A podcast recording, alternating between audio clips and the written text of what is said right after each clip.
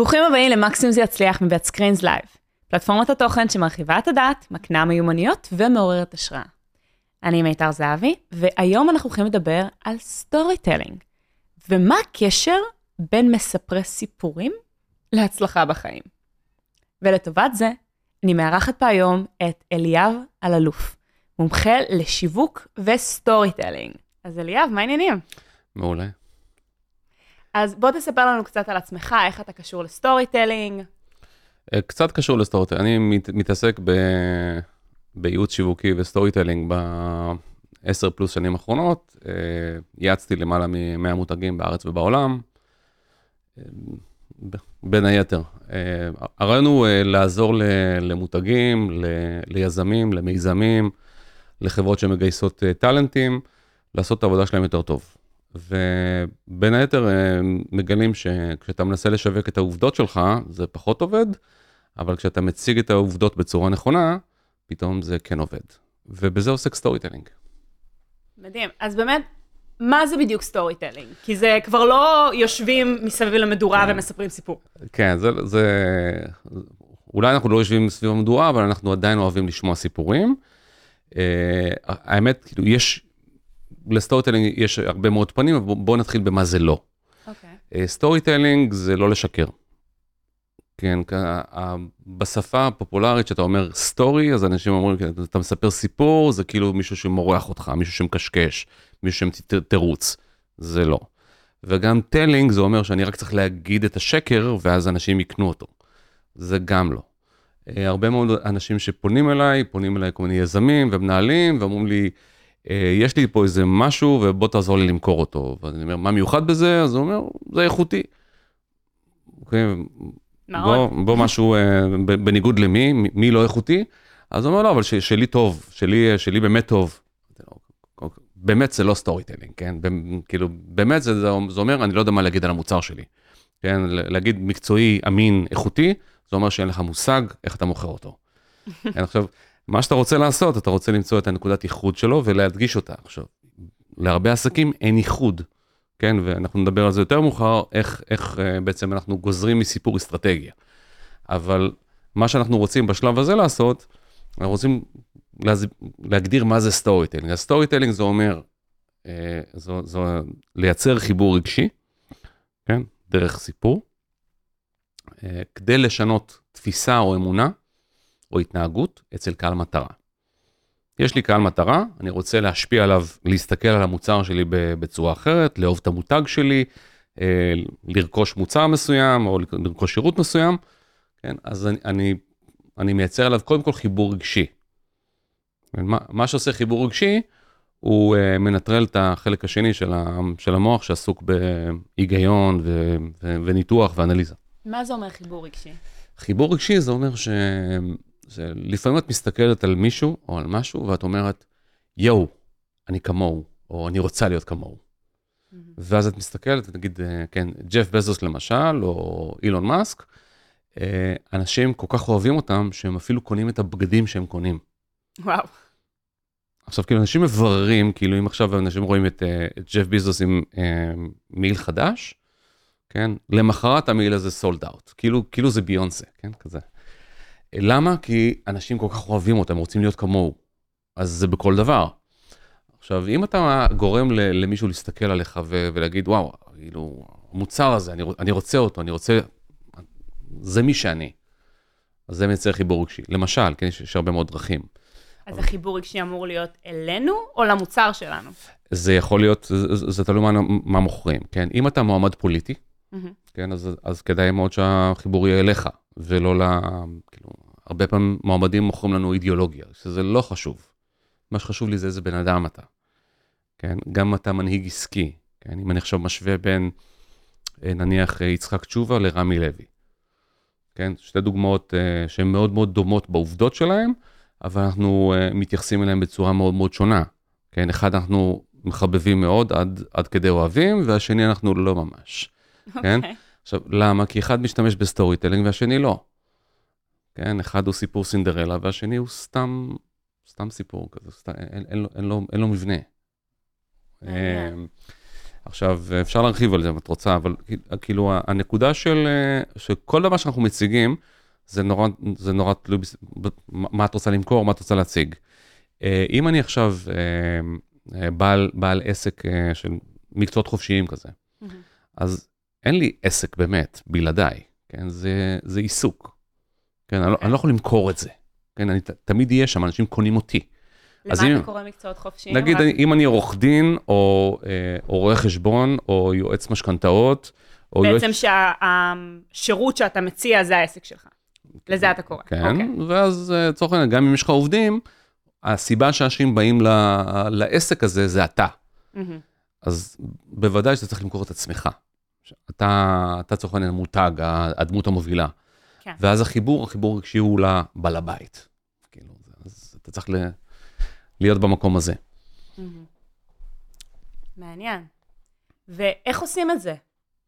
אז אה, יש, אה, יש הרבה מאוד דרכים אה, להתחיל מהם, אבל בואי בוא, בוא ניקח, ניקח מקרה, כאילו, מקרה קלאסי. נגיד שאתה עכשיו בעל, בעל עסק. אז אתה צריך למצוא מה, מה מיוחד בך. עכשיו, לפעמים אתה לא, אתה לא יודע מה מיוחד בך. אתה אומר, בוא אני... ניקח את הפודקאסט. אני מוכר, אני מוכר uh, משהו טוב, כן? אז אתה אומר, אוקיי, אז בוא נראה, אם קשה לך למצוא מה טוב בזה, מה מיוחד בזה, mm. אז תחשוב על מה, מה הדבר הכי גרוע שאפשר להגיד עליו. אוקיי. זה, זה גם דרך, אבל... תסביר.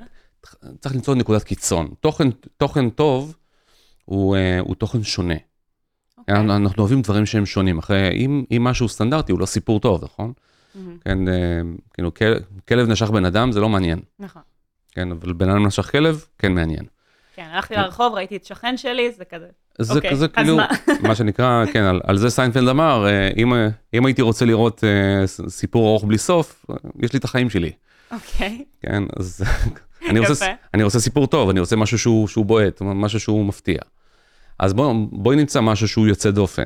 אז uh, למשל, uh, בזמנו ישבתי עם, uh, עם מעצבת של, של בגדי ילדים, והיא אומרת לי, יש לי, יש לי אופנה ממש יפה. אמרתי לה, אוקיי, יפה בניגוד למי? בניגוד לזרה, בניגוד ל-H&M, כאילו, הם, שלהם לא יפה? אמרת לי, לא, שלהם גם יפה, אבל שלי איכותי. אמרתי לה, אוקיי, זרה לא איכותי. Mm. זה מה שאת אומרת? אמרת לי, לא, גם שלהם איכותי. אמרתי לה, אז מה מיוחד? היא אומרת לי, אז לא יודעת מה מיוחד. אז אמרתי לה, אז בואי, בואי נמציא משהו מיוחד. בואי נמצא משהו שהוא, איזשהו, עכשיו, מיוחד זה יכול להיות, אה, יש כל מיני אסטרטגיות שאפשר אה, לבחור בהן, משהו שנקרא אה, ספקטרום המיצובים. כן? ואני יכול לבחור מיתרון מוצרי, דרך יתרון של בנצ'מארק, דרך יתרון תהליכי, דרך מי הלקוחות שלי, דרך למה אני עושה את מה שאני עושה, ועד אה, אה, איך אני גורם לך שיבוא לך לקנות את המוצר. עכשיו, בכל אחד מהם זה אסטרטגיות שונות, אבל אני חייב למצוא משהו שהוא אמיתי, משהו שהוא נכון, והוא מיוחד בך. אם אין לך כזה, אז אנחנו צריכים לייצר את זה, אבל זה כבר לא storytelling, זה כבר אסטרטגיה. כן. אוקיי, אתה יכול לתת קצת יותר דוגמאות? נגיד, אה, נגיד דוגמה פרקטית, כן? ישבתי עם, אה, עם בעלת עסק קטן שמוכרת אוריגמי. אוקיי. כן, עכשיו, אם אני רוצה לקנות אוריגמי, אז אני נכנס לעלי אקספרס ויש לי אוריגמי ב-15 שקלים, אני יודע מה. אז למה לקנות את שלה ב-60? אוקיי. או 60, או 60, או 200, או whatever, כן? לכאורה אין היגיון. אני יכול לקנות את זה יותר בזול בחו"ל, בהרבה יותר זול. אז מה... למה? בדיוק. למה לי? ואז אמרתי לה, אוקיי, אז בואי בוא נשנה את ההגדרה של המוצר. היא אומרת לי, מה זה אומר? במקום לקרוא לזה אוריגמי, כן, מה זה עושה? מה עושים עם הדבר הזה? זה, זה עיטורים שאתה שם אותם בדרך כלל בחללים שנמצאים בהם ילדים. ילדים זה אוהבים לבהות בזה, במיוחד תינוקות. אמרתי לה, מצוין, אז בואי נקרא לזה עיטורים התפתחותיים. אוקיי. Okay. כן, באנגלית Developmental Ornaments. ומה שזה אומר, זה אומר שאני עכשיו uh, מוציא מחקרים שמראים לי שעיצובים שהם תלת-ממדיים עוזרים להתפתחות הקוגניטיביים של הילד, שזה כנראה נכון, ועכשיו אני מוכר לך בכלל משהו אחר, אני לא מוכר לך אוריגמי, אני מוכר לך את זה שאת אימא יותר טובה. וואו, חזק. זה הרעיון, כאילו, אני, אני מתחבר למשהו שהוא הרבה יותר בוער בך. עכשיו, אה, הלקוחות, הלקוחות מאוד מאוד טובים בהרבה מאוד אה, מוצרי צריכה, זה אימהות עובדות. Mm-hmm. בגלל שהן מתאפיינות בזה שהן יש להם כסף מצד אחד, ואין להם זמן. עכשיו, הזמן הזה הוא גם בא עם מחיר מאוד כבד, שמבחינה ביולוגית, כן, הן צריכות להיות עם הילדים. עכשיו, חברתית לא, אבל ביולוגית כן. ואז יש קול בראש שאומר, את לא אימא טובה, את לא אימא טובה. אז מותגים חכמים אומרים, אני, אני אעזור לה ליישב את הדיסוננס הזה. Mm. והיא תקנה את המוצר שלי, וזה הסיבה למה היא עובדת קשה. אוקיי. נכון? יפה, כן. זה, זה מה שאתה עושה. עכשיו, אסור לך להגיד את זה במפורשות. Mm. כן, אה, זה, זה כמו קסם, אתה, זה, זה לא עובד אם אתה מספר איך אתה, איך אתה, איך אתה עושה אותו. כן. אז בוא נדבר פרקטיקה. אני עכשיו כן. פותחת עסק, ואני רוצה לספר סיפור טוב. כן. מה אני צריכה לעשות? מה אני צריכה לחשוב? מה השאלות שאני צריכה לשאול? איך עושים את זה? אז כן, עכשיו, כדי שסיפור לא יהיה בולשיט, הוא צריך להיות מבוסס על משהו שהוא אמת. משהו שהוא אמת, זה אומר שצריך להיות משהו מיוחד בעסק. אוקיי. עכשיו, משהו מיוחד זה אומר שאתה מוותר על משהו אחד ונותן יותר במשהו אחר. כן, נגיד, אה, אם אני עכשיו מסתכל על האסטרטגיה של נטפליקס כזה, mm-hmm. אז מה הם עשו? הם ויתרו על כל מה שקשור לשידורים חיים, נגיד, או תכנים של, אה, נכון, כל הסדרות של ילדים ודברים כאלה. והם אה, שמו את הכל ב-VOD. Mm-hmm. כן, עכשיו, איכות התוכן היא בינונית, היא הרבה, התוכן של נטפליקס הרבה פחות טוב מ-HBO, למשל, אבל יש הרבה ממנו. ו... ותמיד אתה יכול להיכנס ולראות תוכן. יכול... עכשיו, המודל העסקי שלהם הוא גם כזה, שהוא אומר, בוא תשלם לי מנוי חודשי, ואל תדאג, אתה לא משלם לי פר, פר לחיצה. אתה לא יכול לטעות. זאת אומרת, אם עכשיו ראית סרט ולא אהבת, לא נורא, לא קרה כלום. ב-HBO, כן, זה מה שיש לנו ב-yes וב-hot, כן, אתה משלם פר סרט, ומשלם הרבה כסף. Mm. ואז אתה מפחד לטעות, ואז אתה בחרדה, ואז לפני שאתה קונה, אתה מתחיל לבדוק באינטרנט, רגע, שווה לקנות את זה? ממליצים? כן. אתה ב, אתה ב, זה מוד אחר לגמרי. עכשיו, ובנטפליקס אתה עם מנוי. אתה עם מנוי. כן. עכשיו, מה, ש, מה, שזה, מה שהאסטרטגיה שלהם עשתה, היא הפכה את זה גם, אגב, כאילו, הם נתנו עוד דברים מיוחדים, כמו למשל, שאני יכול לראות אה, את, את התכנים שלי מחוץ לבית שלי. Mm-hmm. כן, אני יכול, אה, נגיד, אה, שאני בחו"ל, או שאני מטייל, או שאני ב, במדבר, או איפה שיש אינטרנט, אני יכול לראות את הטלוויזיה שלי. וגם איפה שאין אינטרנט, אפשר להוריד לטלפון. למשל. כן. אז כאילו, מטוס וכולי. עכשיו, הקטע הוא כזה, כשבעם הולך עכשיו לקנות uh, טלוויזיה, שירותי טלוויזיה, אז הוא יכול לבחור בין יס לבין הוט, אבל הוא תמיד ייקח גם נטפליקס. זאת אומרת, הם לא מתחרים, הם יצאו משהו כל כך שונה, שאנשים מסתכלים על זה בתור מוצר משלים. עכשיו, אם אין לך מוצר שונה, אז זה לא יעזור כמה שתספר סיפור. המטרה של סיפור זה לא לשקר, אלא להראות מה מיוחד בך. אם אין, אין כאילו, אז הכוונה שלי היא כזאת. אם יש לך בעיית מוצר, בעיית איחוד, mm-hmm. אתה לא תפתור אותה עם סיפור. הסיפור אבל יעזור לך להבין שיש לך בעיית מוצר. כי אם אין לך משהו, משהו מיוחד להגיד, אז בוא תשנה את המוצר שלך. בוא תוסיף משהו, תוריד משהו, תשנה משהו, תגדיל, תקטין, וואטאבר. אבל תעשה דברים אחרת כדי שיהיה מה לספר. אוקיי, okay, אז בעצם השלב הראשון זה קודם למצוא מה האיכות שלי בכלל. כאילו, זה... זה yeah, אתה, אתה, לא, אתה לא מתחיל מה, מה... כאילו, בנקודה הזאת אתה יכול להגיד, אוקיי, אם, אם יש לי סיפור שהוא מעניין, סימן שיש לי אסטרטגיה שהיא נכונה. אוקיי, תסביר. אם הסיפור שלי לא מעניין, אז אולי אני עושה משהו שהוא כמו כולם. עכשיו, זה לא רע, כן? זה פשוט אומר שאני אעבוד יותר קשה ואני אוציא יותר כסף. כן, נגיד, יש לי שתי חברות שהן מייצרות uh, מוצרים לכאורה דומים, אחת נקראת ג'נרל מוטורס, ואחת נקראת טסלה. Mm-hmm. עכשיו, המוצרים של טסלה הם כל כך יוצא דופן, הם כל כך מיוחדים, שטסלה לא צריכה להוציא כסף על פרסום. ג'נרל מוטורס צריכה להוציא 2 מיליארד דולר בשנה על פרסום. וואו. כן? וזה בכלל לא קשור ל storytelling, זה לפני כן. אז עכשיו, הקטע של מה זה אומר storytelling, כאילו, לא כל דבר אני צריך לספר בצורה של סיפור. לפעמים מספיק שהמוצר הוא יוצא דופן ואנשים מדברים עליו. כן, אנחנו נדבר על uh, כל מיני טכניקות ב storytelling. Mm-hmm. לא כל דבר הוא צריך לבוא עם סיפור של היו היה. כן, או לפני המון שנים היה, לא כל דבר עובד ככה. אני יכול גם לספר לה סיפור במשפט אחד, במילה, לפעמים עם תמונה. Mm-hmm. אבל זה עובד על אותם עקרונות. Okay. עכשיו, לפעמים אני אנצל את זה שיש לך סיפור כבר בראש, ולפעמים אני אנצל את זה ש... אה, או שאני אעשה את זה בשורה אחת, זה גם תלוי במדיה שאני עובד בה. אם אתה עובד בווידאו, או בטקסט, או ב... אם זה במובייל, או שזה מוצר פיזי, או... אז כל דבר אפיינתי משנה. את הייחוד שלי, איך אני כותבת את הסיפור שלי? עכשיו, בואי, בואי נניח ש, שיש לך באמת אה, סיפור מיוחד, כן? אה, אה, וזה זה, זה לא טריוויאלי, כן? לעשות משהו שהוא באמת שונה ומיוחד.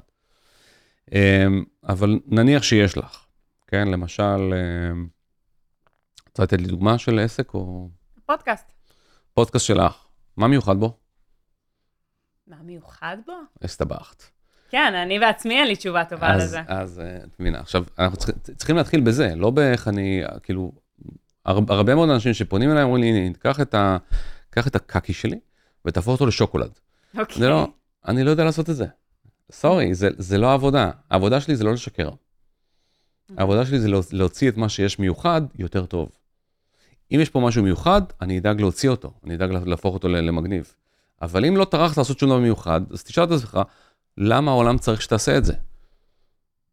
כי אתה רוצה להרוויח כסף, אז מה? אז תרוויח אותו בצורה שהיא מיוחדת. אה, כי רוצים לתת ערך. אז איך אתה מייתר ערך אם אתה עושה את אותו דבר כמו כולם? עכשיו, לעומת זאת, אם אתה עושה משהו שהוא באמת מיוחד, שהוא באמת שונה, ועדיין אתה לא מצליח, ל... אנשים לא רואים את זה, זה מעניין אותי. האנשים שאני מצליח איתם זה אנשים שהם, אה, שיש להם מוצר מעולה, שהשוק לא רואה אותו. שאנשים מסתכלים, אומרים, מה ההבדל? אותו דבר. כאילו, עכשיו, זה לא אותו דבר. אבל הגישה שלך, שאתה מציג את המוצר שלך, כן, זה יכול להיות, אה, כן, חברת השקעות בנדל"ן.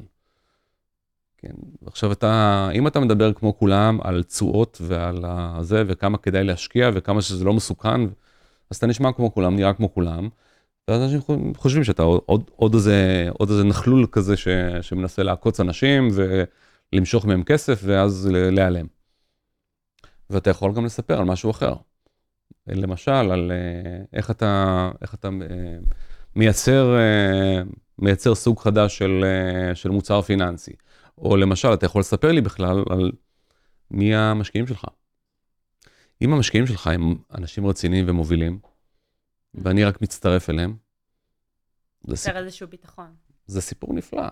אני, אני, אני, אני עושה פליפ לסקריפט, כאילו, במקום שאתה, שאתה תתחנן אליי שאני אשקיע, אני מתחנן להשקיע אצלך. למה? אז אם אני שנייה מקבילה את זה לעולמות אחרים, יכול להיות מצב שנגיד, סתם איזושהי שחקנית מתחילה, והיא פתאום אה, מפרסמת תמונות עם הרבה שחקנים מוכרים. למשל. אז יוצר איזשהו סיפור של... זה, זה, זה באז כזה, נכון? עכשיו, כן. עכשיו, אנחנו, אה, תחשבי על זה ככה, רוב האנשים רוב הזמן לא יודעים מה הם רואים. מהמם. אנחנו לא יודעים מה אנחנו רואים. איך אני יודע אם משהו טוב או רע? אני לא יודע. עכשיו, אני לא רוצה לחשוב גם. למה? זה משהו אבולוציוני.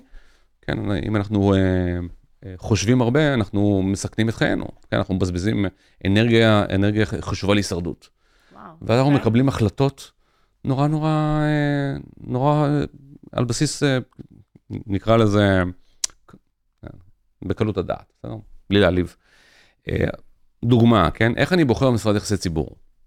אני בודק את כל העבודות שלהם, מנתח את הלקוחות שהם קידמו, מה הם עשו איתם לאורך השנים, אה, מנתח את הדרך שבה הם מנהלים משברים.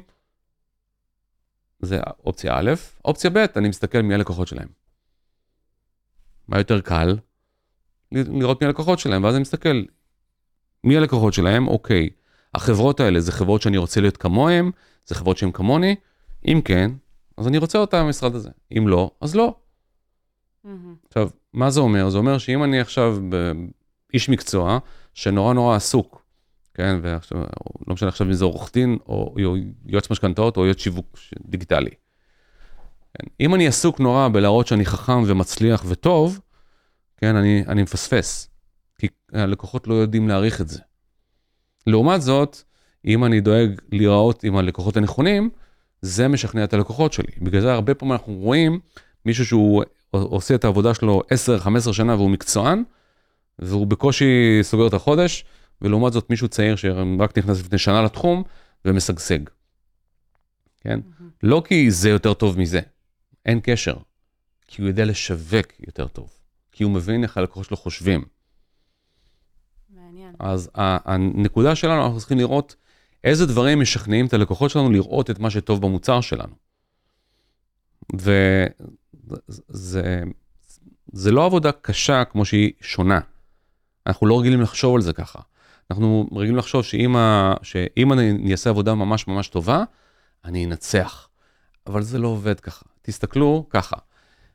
אה, רוב החברות הכי מצליחות בעולם לא מוכרות את המוצרים והשירותים הכי טובים. כן, סטארבקס סטארבקס, קפה הכי טוב, ממש. דומינוס פיצה זה הפיצה הכי טובה. לא יודעת, אני לא אוכלת פיצה. אוקיי, כן. אה, יכול להיות. יכול להיות, כן. אה, מקדונלדס זה ההמבורגר הכי טוב, לא. הכי זול, איקאה זה הרהיטים הכי טובים, הכי זולים, לא ולא, ו- ואפשר לעבור ככה כאילו, אני יכול, אפשר לעבור עשרות מותגים ככה. אז מה הם עושים נכון כן. בעצם? הם מבינים מה השוק רוצה, השוק לא רוצה את המוצר הכי טוב בדרך כלל. עכשיו, איך אני יכול לדעת את זה? אנחנו כל הזמן עסוקים בלהיות המוכרים, וכשאנחנו מוכרים אנחנו עובדים עם היגיון, אנחנו משתמשים במוח האנליטי. אבל תסתכלי על זה בצורה אחרת. נגיד שאת עכשיו הולכת לקנות סבון כלים. מהמם. כמה אכפת לך מהסבון כלים שלך?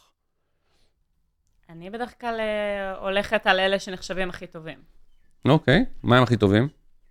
אה, לא יודעת אם אני רוצה לעשות promotion למותגים.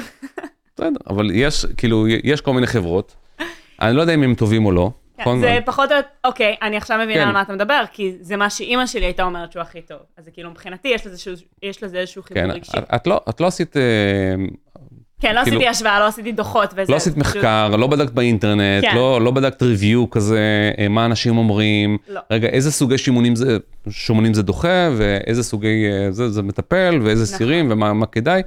את משערת שזה טוב, זה נמצא שם, זה מפורסם הרבה. אה, עכשיו, מה אכפת לי אם כתוב שם אה, פרי, או פלמוליב, או, או סאנו? מה זה משנה? וזה לא משנה לך. ואין לך מושג מה טוב. זה האמת. אין לנו מושג.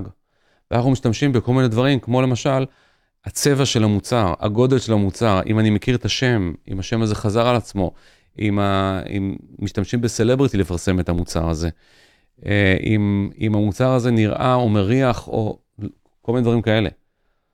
המחיר שלו משפיע עליי. מה לא משפיע עליי? אני לא יודע אם המוצר הזה הוא הכי טוב או לא, זה לא, זה לא משנה לי. אתה, ואם את תדחקי מישהו לפינה, הוא יגיד לך, מה את רוצה ממני? זה כולה סבון כלים. עכשיו, רוב האנשים, רוב המוצרים שהם קונים, הם מתייחסים אליהם ככה. עזוב אותי באמא שלך. אני לא רוצה את המוצר הכי טוב, די, די כבר, אני, לא- כמה אפשר? ניפחת לי את המוח. אז איך בכל תביא- זאת אפשר להתבלט בשוק, אז- אם זה גם אז- ככה הגישה? אז לא, אבל הנקודה היא כזאת, ש, שהדרך להתבלט היא לא דרך המוצר הכי טוב בדרך כלל, אוקיי. אלא תשקיע את המשאבים שלך במה שאנשים כן בודקים, מהמם. כן, שזה זה הדברים כאילו הצדדיים שלך, כן. היית רוצה לקנות יין זול? לא. למה לא? זה, זה טוב זול. וזה לא טעים. אה, הוא לא, הוא לא טעים. עכשיו, עכשיו, את- את מבינה את ה... זה, זאת אומרת, עצם זה שתבחרתי את היין בזול, הפכתי אותו ללא טעים. את אפילו לא, אפילו לא טעמת אותו. נכון. עכשיו, אם יש לי, תור- אם עכשיו אני מגיע לסופרמרקט ויש שם הרבה אנשים עם, עם, אה, שממתינים בתור עם אותו מוצר, מוצר גדול ובולט, מה, מה אני אעשה? לא הבנתי את השאלה. נגיד שאת עכשיו אה, סגר, יש, יש עכשיו סגר ראשון ואנשים אה, מצטיידים בנייר טואלט. מהמם. נכון? כולם עומדים בתור עם אה, ערימות של נייר טואלט. מה את עושה גם כן? הולכת לקחת נייר טואלט. ברור, נכון. כן. למה? לא כי חשבת על זה, לא כי ניתחת את זה, לא כי יש היגיון בזה, אלא כי ככה אנחנו מתנהגים בצורה, בצורה הישרדותית. רוב הזמן אנחנו מתנהגים הישרדותית, ולעשות מה שכולם עושים, זה אסטרטגיה בטוחה מאוד. מהמם. כן, אז עכשיו, נייר טואלט זה גם מוצר לא טוב. כן, תחשבי על זה, כאילו, אם עכשיו היית מטיילת בגינה, או, או עובדת בגינה, מהמם. ואחרי שאת מסיימת את העבודה בגינה, היד שלך מלאה בבוץ. מה את עושה? את לוקחת נייר יבש ומ- ומנגבת את הבוץ, לא, הולכת לשטוף ידיים. נכון? כן, אז למה את לא עושה את זה בשירותים? למה את מנגבת עם נייר טואלט ולא עם מטלית לחה? בדיוק, חוסר היגיון. זאת אומרת, יש מלא דברים שאנחנו עושים בצורה שהיא לא הגיונית. מהמם. כן? עכשיו, אין שום היגיון במוצר כמו נייר טואלט, כן? זה- שיש מוצרים כמו מטליות לחות. אה, אז, ויש מלא כאלה, ואתה צריך ל... אתה- עכשיו, אם מטלית לחה היא מוצר יותר טוב מנייר טואלט, למה, למה נייר טואלט מצליח? כי? כי יש הרבה סוגים, כי הוא היסטורית קיים, כי הוא גדול נורא, ואז כשאני קונה אותו אז כולם רואים, ואז נותן ביטחון. יש, יש הרבה מאוד סיבות שהן לא קשורות לעובדות. עכשיו, דיברנו על זה שרוב המותגים המצליחים בעולם, כן, לא מוכרים לה את המוצרים הכי טובים. בואי נדבר על, הראש, על החשיבות של להיות הראשון בשוק. אוקיי. כן, חשוב להיות הראשון בשוק, לא נכון, זה... זה עוזר. נכון, אנחנו- ככה אנחנו חושבים. בואי נסתכל על שש חברות שהן הכי מצליחות בעולם היום, בערך. אמ, שיין. שיין, כן? חברת האופנה הסינית. כן. היא הייתה הראשונה בתחומה שמכרה אה, בגדים באינטרנט? לא. לא. מה לגבי מייקרוסופט, זה היה אה, מערכת ההפעלה הראשונה? לא נראה לי. לא. לא. אה, גוגל זה היה מנוע החיפוש הראשון? לא. לא, הוא היה מספר 98. 98. כן, היו 90. זה לא ידעתי. כן. וואו. היו, היו כמה וכמה מנועי חיפוש לפניו. אוקיי. אמ, מה לגבי אמזון? זה היה החנות הראשונה למכירת ספרים באינטרנט? לא. אה, מה, אפל זה היה המחשב הראשון? גם לא. אוקיי, וטסלה זה היה, טסלה, זה היה המכונית החשמלית הראשונה? ממש לא. לא. אז הנה, יש לך שש חברות מדהימות, יוצאות מהכלל, והן לא ראשונות. אז מה הם עשו? עכשיו, אז קודם כל זה אומר לך שהנקודת מוצא שלך, של להיות ראשון ולהיות טוב, זה לא כזה חשוב. מהמם. מה שכן חשוב זה לעשות משהו שהוא, שהשוק רוצה. עכשיו, מה השוק רוצה? השוק לא יודע מה הוא רוצה בדרך כלל, אתה צריך להבין מה הוא רוצה. זה העבודה שלך בתור יזם. כן, וכנראה שאף אחד לא יעזור לך בזה, כאילו זה משהו שאתה צריך להפנים אותו. עכשיו, יש הרבה מאוד דברים שאין להם שם. כן, שזה, כבר- זה, שזה גם כאילו עניין, שאתה יכול לשרת צרכים שאין להם שם. זוכרת את ה... את ה... אשת הקריירה ממקודם, שיש לה דיסוננס קוגניטיבי, אף אחד, אף אחד מהאנשים ש, שקונות את העיטורים ההתפתחותיים במחיר שהוא פי ארבע יותר גבוה, לא תבוא ותגיד, "אה, האמת שהסיבה שאני רוכש את המוצר הזה, כי יש לי, אה, זה, זה, עוזר לי ליישב את הדיסוננס הקוגניטיבי שלי, עם זה שאני אשת קריירה ואימא באותו זמן. ואף אחד לא אומר את זה. כן? הם לא יודעים שזה מה שהם עושים. אוקיי. אז כן? איך אז, אנחנו עושים? אז זה העבודה שלך בתור יזמית, כן? זה לא, אז זה לא... מה השאלות שאני צריכה לשאול? אם אני עכשיו יזמית ואני באמת רוצה אני, למצוא אני, את הדבר אז הזה. אני צריך, אני צריך לראות מה אנשים עושים ולמה הם עושים את זה. כן. זה, זה אגב, כאילו, זה שיווק כבר, זה לא storytelling, אבל... לא, זה- אה, בסופו של דבר אני רוצה שמי שמקשיב לזה יצא כן. מפה עם איזשהו כלי כן. כזה שיגיד, אני עכשיו יודע איך לעשות את זה טוב יותר. אז העניין זה, זה, זה קודם כל, את, אה, אחד הדברים שאת יכולה לעשות, כאילו זה, זה דרך אחת, זה לחפש אנומליות. אנומליות זה אומר, איפה אני יכול אה, לראות התנהגות שהיא לא, שהיא, שהיא לא סבירה, או, ש, או שיש בה trade-off. trade-off בעברית זה נקרא אה, שקלול תמורות, מילה נוראית. אבל מה שזה אומר trade-off, זה, זה אומר, זה כמו מקודם ששאלתי אותך אם את רוצה יין זול, ואמרת לי לא, כי את רוצה יין טוב, את רוצה יין טעים. כן? כי אם זה זול, זה בטח לא טוב. אוקיי. כן, עכשיו אה, אני, יש לי הרצאה שנקראת מוח קונה מוח מוכר, שאני גם, שם אני אה, מראה איך, איך אנשים עושים את זה ב dating. כן, נגיד שמישהו, אה, אם עכשיו מישהו רוצה להכיר לך גבר מצחיק, מהמם. איך הוא נראה גבר מצחיק? בדיוק, לא משהו, כן? אוקיי. ולעומת זאת, אם- אני רוצה כן לפתות אותך אה, לפגוש את הגבר הזה, אני אגיד לך, שמי, יש לי מישהו להכיר לך, ואני אני קצת חושש, כי הוא, הוא קצת סנוב. ואנחנו רוצים את הקצת סנוב, כי הוא, הוא, הוא בטח לבוש יפה, כסיף רומנטי. הוא זה, כן. זה, הוא גם לא מפלרטט עם כל אחת, נכון? הוא קצת סנוב. עכשיו, זה העניין שלנו, המוח שלנו לא אוהב קו ישר, אנחנו אוהבים לפרש בעצמנו דברים. זה מהמם. נקרא ניגוד משתמע, אנחנו אוהבים לפרש סיטואציות. אז זה לא משנה מה אני אגיד, את תפרשי את מה שאני אומר. אוקיי. כן, אז אם אני אומר לך, תשמעי, זה מוצר ממש ממש טוב, אז דבר ראשון שאת אומרת, אוקיי, אז למה אתה מוכר לי את זה? נכון. ואני רוצה לשמוע משהו כמו, אני מצטער, אבל אה, כאילו, אני לא יכול למכור לך את זה, כי יש לנו בעיית מלאי, נייס. כן? אהבתי. זה יותר טוב. כן, אני נכון. אתן לך דוגמה של אה, משהו שעשיתי עם, אה, עם סוכני ביטוח. כן, שזה גם כן תחום שמאוד מאוד קשה להתבלט בו. יש לי שני מוצרים, יש לי אה, ביטוח פנסיוני עם מקדם קצבה של 50, מוצר מעולה, אופציה א'. אופציה ב', יש לי ביטוח פנסיוני שבעיקרון אני לא אמור למכור לך, כי הוא שמור רק לטייסי קרב של חיל האוויר. כבר עניינת אותי. עכשיו, מה, ש, מה שיפה במה שעניין אותך באופציה ב', מהמם. זה שלא סיפרתי לך כלום על המוצר. נכון. זאת אומרת, יצרתי את הצורך שלך לקנות אותו, בלי שאת מבינה מה את קונה. עכשיו, יש גם, יש גם עולמות שלמים, ש- וביטוח פיננסים ו- וכולי, זה עול- עולמות כאלה, שרוב הלקוחות לא רוצים להבין. זאת אומרת, אם את שואלת עכשיו, נגיד, אה, עשרה אנשים שפגשו סוכן ביטוח, מה היה הרגע הכ- הכי, הכי מפחיד בשיחה, אז זה אומר, חיכיתי לרגע שהוא יגיד לי, הבנת? עכשיו, 80% לא מבינים. אוקיי. הם לא מבינים. עכשיו אתה יושב אצלך מדור, אומר, מה, מה אתה לא מבין? מה זה קצבה, מקדם קצבה? מה, מה, מה זה מקדם? מה אתה רוצה ממני? למה אתה לא יכול להגיד לי, זה המוצר שאתה צריך, וזהו. ועכשיו הדרך הנכונה לעשות את זה, אני יכול להגיד לך, יש לי מוצר א', בלה בלה בלה, מוצר ב', בלה בלה בלה, מוצר ג', בלה בלה בלה, אבל רק שתדע שאת ג' בחרו ש- 82% מהלקוחות שלי. מה אתה רוצה? קניתי. בדיוק. עכשיו, אתה צריך להבין איך אנשים באמת רוצים לקנות. עכשיו, יש מוצר, יש אנשים שמבינים פיננסים וישאלו שאלות קשות, נכון. אבל הם לא הרוב. יש אנשים שאוהבים סבון כלים, אבל הם לא הרוב. רוב האנשים, רוב הזמן, הם פשוט רוצים לא להחליט. הם רוצים את האשליה שהם מחליטים, הם רוצים לה- להרגיש שהם בוחרים, אבל הם לא באמת רוצים להחליט. הם רוצים שההחלטה תהיה בנקר, שיהיה ברור, שיהיה קל נורא. נכון? כזה. כן. וזה storytelling או שזה שיווק זה, פרופר? זה, זה להבין איך אנשים חושבים. עכשיו, אוקיי. אם אתה, אם אתה, נגיד, אני עכשיו רוצה לבחור שני אנשי מכירות. יש לי שני אנשי מכירות שהם מתמודדים למשרה אצלי.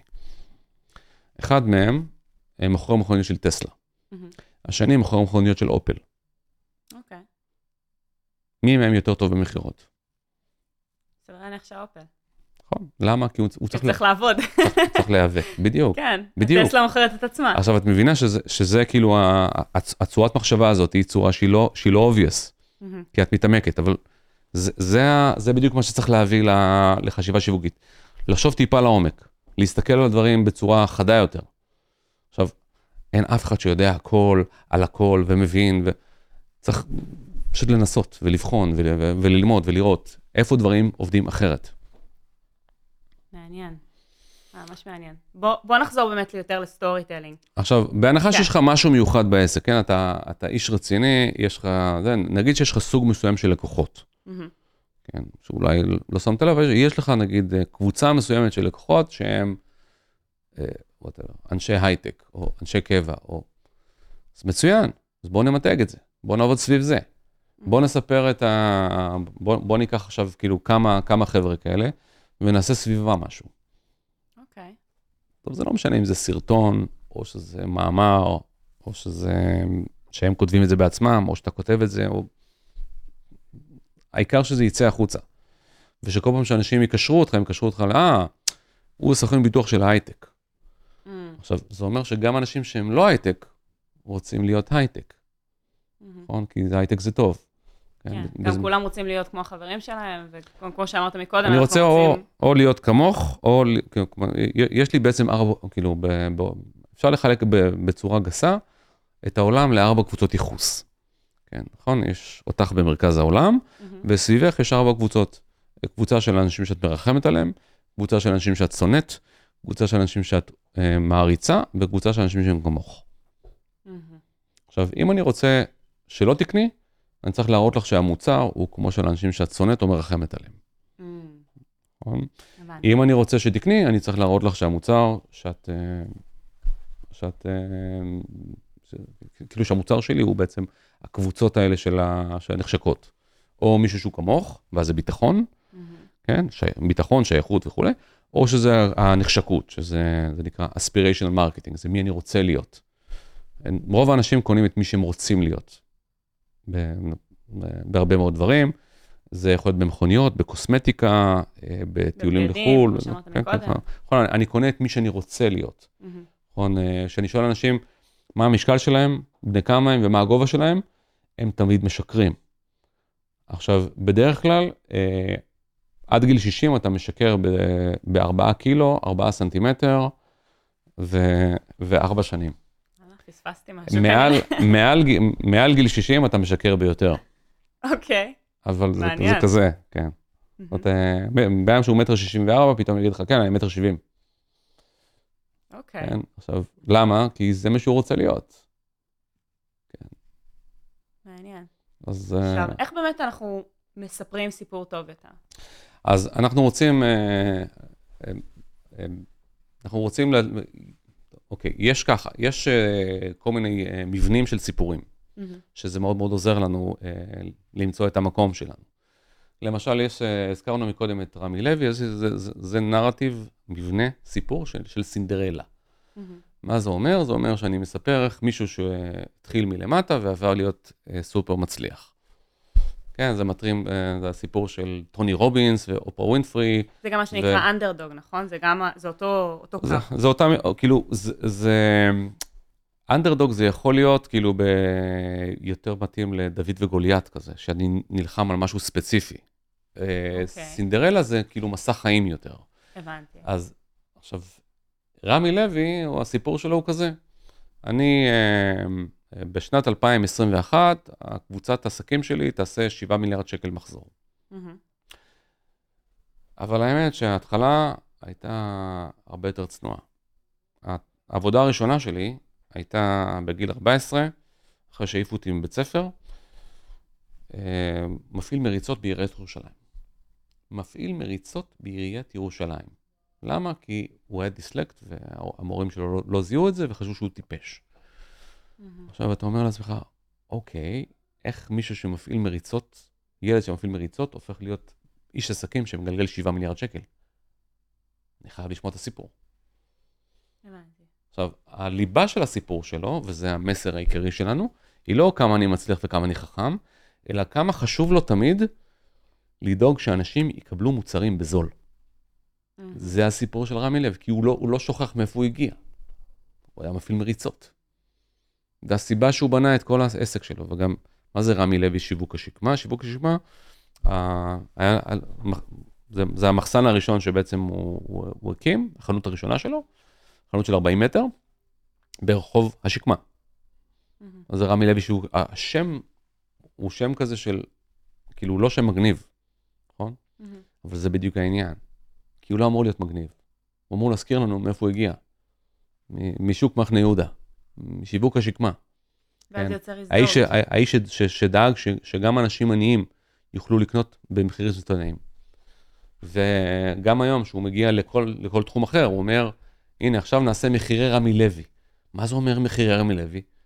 זה הסיפור שלו. עכשיו, תסתכלי על מישהו שהוא מקביל אליו. כן, אה, יצחק תשובה. גם כן, בן אדם שגדל בבית אה, עם רקע מאוד צנוע, אה, כנגד כל הסיכויים, הפך להיות איש עסקים מאוד מצליח, אבל איפשהו בדרך, הוא הפסיק ל- לספר לנו את זה. והוא התחיל לספר לנו כמה הוא חכם, וכמה הוא גאון, וכמה הוא איש עסקים גאון מבריק, וכמה הוא חובק עולם, ואיזה יופי. ו... וכשהוא הסתבך, מה הוא עשה? הוא ברח. נכון? הוא עשה מחיקות, ונכון? קוראים לזה תספורת. מה זה תספורת? זה שם אחר לחדלות פירעון. למה? חדלות פירעון, זה השם, ה... זה השם המשפטי של זה. אני אוקיי. לא משלם חוב, כן? מה זה תספורת? כן, אתה... כאילו, כאילו אתה מוותר על קצת כסף. לא, אתה, זה לא... זה, זה, זה מילה מכובסת. כן, אוקיי. זה כזה. אז זה לא... חד- חדלות פירעון. אתה לא שילמת חובות. עכשיו, למי אכפת? הרי זה לח- לקרנות פנסיה, מה זה משנה? שיסתדרו. אז הם מסתדרים, אבל מה שאתה מקבל בדרך זה שהציבור לא אוהב אותך. מהמם. עכשיו, אתה אומר, מה אכפת לי?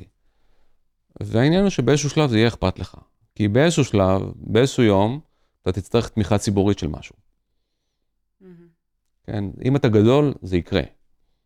ואז כדאי מאוד שהציבור יהיה בעדך ולא נגדך. שאם עכשיו איזה פוליטיקאי ירצה לעזור לך, לא יגידו לו, אה, אתה עוזר לפושע הזה, אתה עוזר לנוכל הזה, אתה עוזר לחרא הזה, כזה.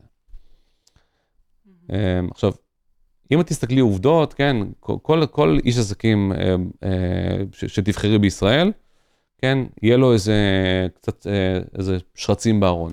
תביעות משפטיות ובעיות ו- ו- ומה לא. אבל כשאתה אוהב את הבן אדם זה לא עוזר, לא, לא, לא משנה כלום. אילון מאסק לפני, אה, לפני כמה ימים אה, הודיע שהוא קנה אחוזים בטוויטר, נכון? מהמם. כן, שלושה מיליארד דולר. אבל מה, הוא עשה את זה, והוא הוא הודיע על זה באיחור של בערך שבוע וחצי. כן, שזה עבירה על החוק. אוקיי. כן, זה עבירה על כמה חוקים האמת, אבל זה, זה, זה אומר שהמשקיעים שמכרו לו בעצם, הוא רימה אותם, על פי חוק. זה אומר שאפשר לפתוח, לפתוח נגדו ועדת חקירה של, ה, של הסנאט. זה אומר שאפשר, אה, שה-ICC יכול לקנוס אותו, mm-hmm. רשות ניירות ערך אמריקאית. זה אומר שאנשים שמכרו לו את המניות יכולים לתבוע והם יתבעו, והם יקבלו פיצוי. ולא רק זה, הוא גם הגיש את, ה, את הדוח שהוא פרסם, הוא הגיש אותו עם דוח לא נכון. יש דוח שאומר אם אתה משקיע פסיבי או אקטיבי, הוא כתב שהוא פסיבי, וברעיונות לתקשורת הוא סיפר שהוא דיבר עם מנכ"ל טוויטר, שזה אקטיבי. זאת אומרת שאתה מעורב בניהול. אוקיי. Okay. זה עבירות על החוק, זה, אבל עם כל הדברים שהוא עושה, אנשים מתים עליו. וזה הכוח של נרטיב, זה הכוח של סיפור טוב, כי אתה, אתה בעדו. כי אתה, אתה אומר, בסדר, נו, הוא פספס, הוא טעה, נו, לא נורא, זה, אז שיקנסו אותו, לא נורא. Mm-hmm. אתה סולח לו על הכל. למה? כי יש לו סיפור טוב. אנחנו אוהבים אותו. מעניין. עכשיו, הכוח של סיפור טוב, שהוא גורם לי להתעלם מהרבה מאוד עובדות. ואחד אחד, אחד הבאגים המרכזיים שיש לאנשים, עכשיו זה לא משנה אם אנשים יזמים טכנולוגיים, או שהם אה, אנשים הם כאילו מקצועות חופשיים, או, או חבר'ה צעירים, לרובנו יש איזה, איזה, איזה באג שאנחנו חושבים שמה שקובע בחיים זה העובדות. עכשיו, עובדות זה לא שזה לא חשוב, אבל זה לא קובע את הכל. כן, כמו שאת... מה קובע הסיפור? מש... הסיפור מאוד משפיע. עכשיו, בואי אני אראה לך את זה, אני, אני, אני אתן לך כמה הדגמות. Mm-hmm. אחד, דבר ראשון, אה, צריך כאילו, תחשבי על סיטואציה של, שנגיד שאת עכשיו צריכה אה, לחשוב על חמישה דברים שממש מאפיינים אותך ברזומה שלך. חמש עובדות מרכזיות ברזומה שלך. נגיד, אה, איפה למדתי, mm-hmm. איפה עבדתי, מקומות שעבדתי, תוצאות אובייקטיביות שהשגתי, אם זה היה אה, מכירות או דברים שאין עליהם עוררין, אי אפשר להתווכח אם זה טוב או לא. אוקיי. Okay. דברים שהם עובדות. כן, yeah. הייתי בצבא ביחידה כזאת, הייתי, דברים שהם... עכשיו, אני אבקש ממך לספר לי, ואני עושה את זה בסדנאות שלי, אני אבקש מאנשים לכתוב לי סיפור על איך אתה, איך אתה עושה את ה... איך... תספר לי סיפורו של לוזר. סיפורו של לוזר? כן, ספרי לי למה הבן אדם שם, שמתואר בעובדות האלה, חמש עובדות האלה, ספרי למה, למה הבן אדם הזה הוא לוזר מוחלט. ואז את אומרת, כן, אבל מה, אני, למה לוזרית? אני למדתי uh, תואר שני במנהל עסקים. איפה למדת? בהרווארד? לא, לוזרית. אוקיי. Okay. Uh, הייתי ביחידה, ביחידה טובה בצבא, הייתי בגולני, אז, רגע, אבל לא היית בסרט מטכ"ל. Uh, לא, לוזרית. וכולי וכולי. כל דבר, מה, מה שלא יהיה, אני עושה את זה הכי קיצוני שאפשר. Mm-hmm. משפיל, משפיל עד עפר את הדמות הזאת. Mm-hmm. ואז אני כותב בנקודות, סיפורו של לוזר, או לוזרית. ואז אני אומר לך, אוקיי, עכשיו התרגיל הבא שלך זה לעשות את סיפורה של ווינרית. תסבירי לי איך, איך הבן אדם שהשיג את החמישה דברים האלה, חמישה, שמונה, לא משנה עכשיו, זה, הוא, הוא ווינר. אתה אומר, אה, נגד כל הסיכויים, התגייסתי לצבא דווקא לקרבי.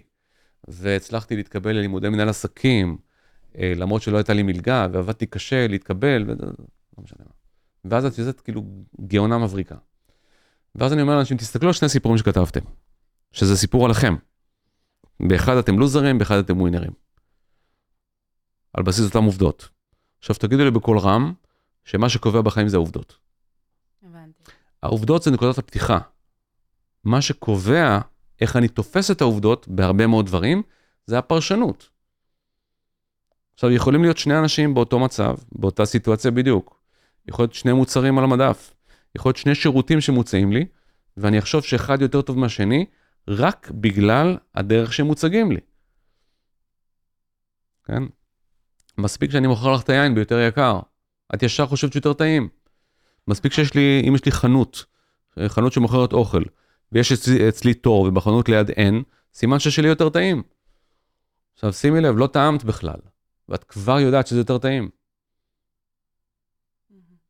זאת אומרת, אם עכשיו יש לי, אה, אחד, אחד הדברים, אחד השגיאות שעושים ב, ב, נגיד, חנויות למכר מזון או גלידה, זה שהם שמים שתי קופות. תשאיר קופה אחת, שיהיה תור, זה טוב. אתה אומר, אבל אני רוצה שאנשים יקנו יותר מהר. לא, אנשים לא צריכים לקנות, אנשים עומדים שם, הם גם מעריכים יותר את המוצר, וגם אנשים אחרים רואים אותם, וזה הופך להיות פרסומת. כן, זה כמו נייר טואלט בסופרמרקט, רק שיש לך את זה בלי, בלי משבר, כל יום. תשאיר את התור, זה טוב. עכשיו, מבחינה הגיונית זה לא טוב. נכון, אנחנו רוצים להיות תפעוליים, יעילים, אבל יש, יש קונספט של, יש יעילות מול אפקטיביות. לפעמים זה אותו דבר, בדרך כלל, בהרבה מאוד מקרים זה לא. כן, עכשיו, מה הכוונה? זה נשמע אותו, אותה, אותה מילה בעברית, כן? אבל יש efficiency, כן, ויש effectiveness. efficiency זה יעילות. effectiveness זה אפקטיביות. עכשיו, מה ההבדל? נגיד שאת יוצאת לדייט, אוקיי. והבחור שיוצא איתך לדייט, משלם עם קופון. אם הוא משלם עם קופון זה מאוד יעיל, נכון. פחות אפקטיבי, נכון. פחות אפקטיבי. כן. בסדר? אז המטרה שלנו זה לחשוב על האפקטיביות, ואנחנו מוצאים הרבה מאוד פעמים שהמוח האנושי, בגלל הנטייה שלו לפר... לפרש דברים, אין, אנחנו אוהבים לקנות דברים שהם לא הגיוניים. כן, תחשבי, אם הייתי רוצה לשרוד, הייתי מסתפק באורז ומים. זו דרך נורא נורא זולה לשרוד. יש לי מים בחינם, כמעט בחינם, אורז זה ממש זול, מבשלים אותו עם מים, נכון? וזה דרך טובה לשרוד. עכשיו תחשבי כמה כסף את מוציאה בחודש על, על, אה, על אוכל ועל. מחיה וזה. ואת אומרת, אוקיי, זה סימן שאני לא רוצה רק לשרוד. נכון? רוב הכסף שאני מוציאה בחיים, הוא לא קשור להישרדות, הוא קשור לאיך אני רוצה לתפוס את עצמי, איך אני רוצה לחוות חוויות, ואיך אני רוצה שאנשים יסתכלו עליי. רוב הכסף שאנחנו מוציאים בחיים לא קשור להישרדות שלנו. אנחנו יכולים לשרוד במעט מאוד כסף. מה שחשוב לנו זה איך אנחנו תופסים את עצמנו, ואיך אנשים אחרים תופסים אותנו. כן, עכשיו, ה...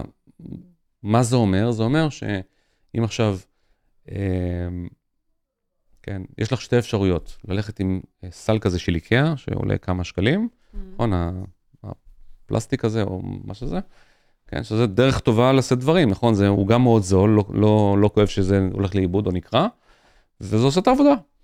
או את יכולה לקחת אה, תיק של לואי ויטון. מה עדיף? עכשיו.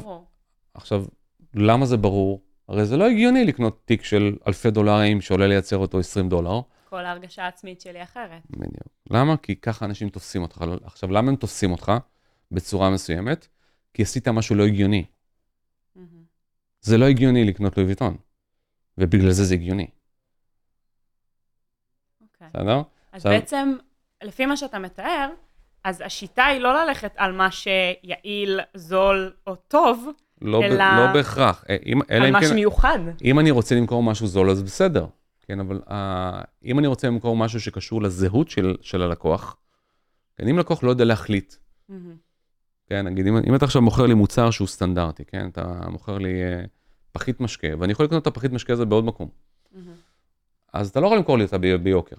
אבל אם אני עכשיו רוצה לייצר משקה חדש, שיתחרה במשקה שלך, נגיד שיש לך, אה, כן, אה, קוקה קולה, כן, המתחרה, המתחרה העיקרי שג- שגנב לו נתח שוק ב-20 שנה האחרונות, אה, באופן הגיוני היה אמור להיות משקה יותר טעים, יותר זול, או יותר גדול, כן?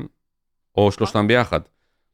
בפועל, מי שגנב לו נתח שוק זה משקה שהוא פחות טעים, בפחית יותר קטנה ויותר יקר. נכון? לא הגיוני, נכון? ובגלל זה זה עבד.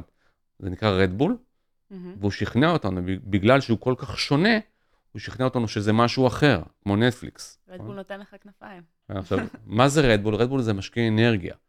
אתה אומר, אבל זה, זה לא כמו קולה? לא, ממש לא. כי זה לא טעים, נכון? ו, וזה יקר יותר. עכשיו, למה זה יקר יותר? כי יש בזה עוד דברים, שאני לא יודע מה הם, אני לא אטרח לקרוא את, ה, את ה- זה, וגם אני אקרא, לא מבין מזה כלום. מה זה טהורין? לא יודע.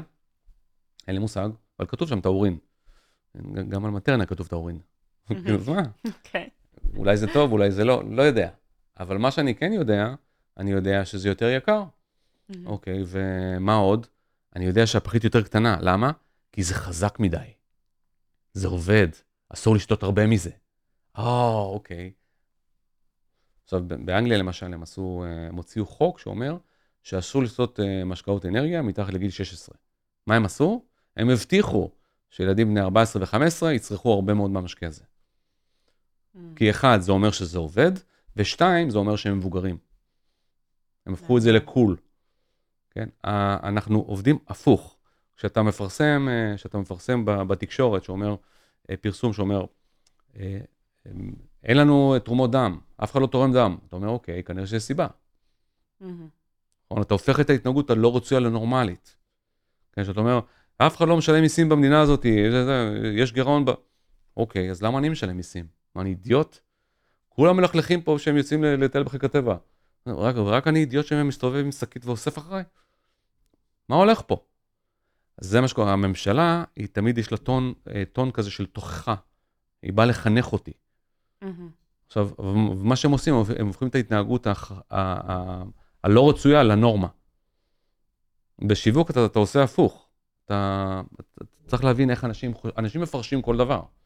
כן, כשאני נכנס לסופרמרקט, יש לי חבר שלקוח, יש לו סופרמרקט, והילד מצביע, מצביע בן ארבע וחצי, כן, עכשיו הוא, הוא לא יודע לקרוא. מהמם. הוא מצביע על המדבקות, כל המוצרים, המדבקות האדומות. אמר לו, אבא, אני רוצה את ה- אלה עם המדבקות האדומות. כן, איפה שכתוב שזה... סוכר גבוה, שומן גבוה. כן, כזה. אז הוא אומר לו, למה, למה דווקא את זה? הוא אומר לו, כי זה טעים. אומר, הירוק לא. טעים. הוא יודע שהירוק לא טעים והאדום כן טעים. עכשיו, זה מה, ש, זה מה שמשרד הבריאות עשה. הוא לימד אותנו מה, מה טעים. כזה. עכשיו, ככה המוח שלנו עובד. עכשיו, אם אני, אה, אם אני אספר לך למשל שיש לי אבקת כביסה, שעכשיו היא יותר טובה לסביבה. אוטומטית את תחשבי שהיא לא מנקה טוב. אם אני אספר לך שעכשיו ש... הוצאתי שוקולד חדש, שהוא באותו טעם אבל ללא סוכר, מה תגידי? לא טעים. כן. זאת אומרת, זה לא משנה שעשיתי אה, 250 אלף מחקרי טעימה עיוורים. זה לא משנה לך. את ישר יודעת שזה לא טעים. כן, שהחליפו, אה, שהחליפו בגלל, כאילו, כל היום פרוצדורה משפטית, של את, את השם של, אה, של נסטי לפיוזטי. מה אנשים אמרו? זה לא אותו טעם. עכשיו זה אותו טעם בדיוק, זה אותו מוצר. כן, שהיה אה, את, אה, לפני חמש שנים, היה את ההשקה של הסרט דיסטיקול מי, הסרט של המיניונים. כן. ושמו מדבקות צהובות כזה, של המיניונים, עם בננות, על, אה, אה, על שוקולד השחר. זה לא שוקולד, סליחה, ממרח השחר. אה. מה קרה? יום אחרי, אלפי אנשים מתקשרים לחברה, מזועזעים, כותבים בפייסבוק, מתקשרים, ל- מתלוננים, למה שמתם טעם של בננה בשוקולד? עכשיו, הם לא שינו את המתכון, בחיים לא היו במתכון הזה. הם פשוט שמו מדבקה. יש שם מדבקה של מיניונים. ואנשים אומרים, לא, אני בפירוש אוכל ויש טעם לוואי. אני לא, אנשים אומרים לך, אני לא מפגר. עכשיו, זה אלפי אנשים. וואו. עכשיו, העניין הוא שאנחנו כן מפגרים. מהמם. כן, זה כמו שיש לך Skittles, כן? שכולם אותו טעם. אתה אומר, לא, אבל אני יודע שזה טעם אחר, לא, יש צבע אחר. הכחול יותר טעים מהאדום. עכשיו, עכשיו, זה לא משנה מה העובדות, משנה מה המוח מפרש. כן? ואז אז הנקודה של. אנחנו כל הזמן עסוקים בעובדות, עובדות, עובדות, אבל המוח מפרש סיטואציות. אז זה לא עוזר שום דבר. אז אתה צריך לחשוב שאתה, שאתה מ- מציג את המוצר שלך, צריך להבין איך אנשים חושבים. כן? אבל שוב, זה, זה יותר שיווק מאשר storytelling. זה... או, זה מרתק. האמת שאנחנו תכף צריכים לסיים, אז באמת אני אשמח אם נסיים עם כזה כמה טיפים לסיפור טוב. כאילו, אם עכשיו יש אז- יזמים או אנשים כן, אז שרוצים ללמוד, מה, כאילו, אני- אני יכול להתחיל להגיד סיפור טוב, אה, אה, למשל, אה, אם אני יכול לקחת אה, משהו שהוא, אה, משהו שהוא דומה. כן, נגיד אם עכשיו אני מייצר מוצר שהוא מטפל לי בחוליות בעמוד השדרה. כן, הוא דו- דואג שה, שה, שהסחוסים אה, יהיו במקום ויחלימו וכולי, משהו רפואי כזה, שרוב האנשים בעולם לא מבינים בו כלום. מהמם. אז איך אני מסביר את זה? אני צריך ל... פתאום ללכת, אתה יכול לרוץ. כן, אבל זה, זה, זה למכור לי את היתרונות של זה. איך אני. מסביר לך מה זה? איך? השאלה הראשונה שאני רוצה להבין לגבי כל דבר זה מה זה. מה זה הדבר הזה? אני צריך לתת לזה שם, אבל השם הוא צריך להיות משהו שהוא קרוב למה שאני מכיר. זה לא צריך להיות מדויק. אז במקרה הזה אני, אני יכול להגיד משהו כמו, אה, זה כמו שיש לך, אה, שיש לך פאנצ'ר, פשוט בסחוס במקום בצמיג, מהמם. ויש לך מישהו ב- שבא עם ג'ק וממלא לך את הצמיג.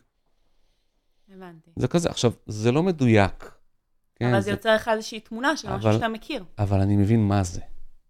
כן, עכשיו שנגיד, שמ- שמכרו את הסרט ספיד מהמם. למשקיעים בהוליווד, הסרט עם קיאנו ריבס, איך הם הסבירו להם מה, זה, מה, מה הסרט? אי אפשר עכשיו להתחיל את כל, כל העובדות של התסריט. אומר לך, תן לי את זה בשתי מילים, מה, מה, על מה הסרט? אז אומרים, זה כמו מת לחיות, אבל באוטובוס. עכשיו, זה מספיק טוב. וזהו, אני אומר לך, "אה, אוקיי, הבנתי, הבנתי. ועכשיו הוא אומר לך, ספר לי עוד. מהמם. אז המטרה שלך, כשאתה מול משקיעים, זה להגיע לספר לי עוד. אז תספר לי את המינימום שאתה צריך. עכשיו, ככל שאתה מקשר את זה למשהו שאני כבר מכיר, יהיה לך יותר קל למכור את זה. מהמם. כי אני רוצה לייצר חיבור רגשי. החיבור הרגשי הכי טוב שאני יכול לייצר, זה עם משהו שכבר יש לך בראש, עם, מהמם. עם, עם עולם שאת מכירה. עכשיו, אם אתה אה, פונה למשקיע שהוא מתחום של נדל"ן או קמעונאות, או דבר בעולם שלו, ואז אתה מחבר את, ה, את, ה, את הידע שלך לעולם שלו, ואומרים לך, אוקיי, הבנתי, את ה, הבנתי בערך מה זה. מהמם. השלב הבא זה לדבר על מה זה נותן, למה דווקא אתה, אה, מה זה אומר עליי בתור לקוח או בתור משקיע, שאני קונה את זה או משקיע בזה, איפה זה ממצ... ממקם אותי ומצב אותי, כן? למשל, יש... אה, אה, למה אנשים קונים ספרים? אז ההיגיון אומר כדי לקרוא אותם, אבל רוב האנשים לא קוראים את הספרים שהם קונים. זאת אומרת שאנשים לא קונים ספרים בשביל לקרוא אותם, רוב האנשים לא. כדי להרגיש חכמים יותר? אז זה כנראה קשור לרגש, נכון? מהמם. עכשיו, מתי אנחנו מרגישים חכמים? כשאנחנו מעלעלים בספר, כשאנחנו מראים לאנשים את הספר, או כשאנחנו בחנות עצמה וקונים. תלוי את מי אנחנו מנסים להרשים. אז עכשיו, איך, איך אני בודק את זה? אני מסתכל, ההתנהגות שלה, שאנשים קונים ספרים ולא קוראים אותם, גם בקינדל שלהם. אף אחד לא מסתכל לך בקינדל, נכון. נכון? כן אנשים יכולים להיות אצלך בבית או במשרד ולהסתכל על המדף שלך, אבל אף אחד לא מסתכל אצלך בקינדל. זאת אומרת, שהרושם על אנשים אחרים זה לא הדבר החשוב פה. הדבר החשוב פה זה uh, מה, איך, איך את מרגישה בנקודת הקנייה, במעמד המכירה, לא משנה אם עכשיו זה אונליין או בחנות. איך את מרגישה שאת קונה ספר. ובאותו רגע את מרגישה שאת עושה משהו טוב לעצמך, שאת חכמה. את מדמיינת איך, איך תשבי ותקראי את הספר ותספגי את הידע הזה, ותהפכי להיות יותר חכמה ויותר טובה ותד, ותדעי לענות על כל מיני שאלות. מהמם. בפועל, פעולה של קריאת ספר היא מתישה, היא מעייפת.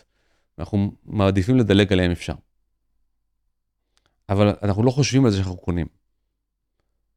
וזה אומר שאם אני עכשיו בונה אסטרטגיה לחנות ספרים, אסור לי להגיד המקום שבו קוראים ספרים, או לאנשים שאוהבים לקרוא ספרים. כי אז אני מזכיר להם מה הם לא עושים. מהמם. הפרסומים שאת רואה, בשלטי חוצות וכולי, ספר טוב, זה כל הסיפור, זה לא טוב, כי זה מזכיר לי את מה אני לא עושה. מהמם. אני לא קורא ספרים, אני קונה ספרים, כן? 90% מהאנשים לא עוברים את הפרק הראשון, 60% לא פותחים את הספר שהם קנו. כן? מדהים. אז למה להזכיר את זה? אם אני רוצה למכור להם עוד, אני צריך לעשות משהו כמו המקום לאנשים שאוהבים ספרים. מהמם. את אוהבת ספרים? או, סימן שאת חכמה, סימן שאת משכילה, סימן שאת אשת תרבות. אני רוצה לעבוד עם מה אנשים רוצים להרגיש. למה אנשים קונים את מה שהם קונים? מה זה אומר עליי? עכשיו, בדיוק, אז זה, זה המקום הזה. עכשיו, זה לא נכון לכל מוצר בכל דבר, כל, כל מקרה הוא שונה. מהמם. עכשיו, אם אתה בונה סיפור, הסיפור הוא צריך להיות מבוסס על עובדות, כן? אבל העובדות שמעניינות את, ה- את, הלקוח שלך, את הקהל שלך.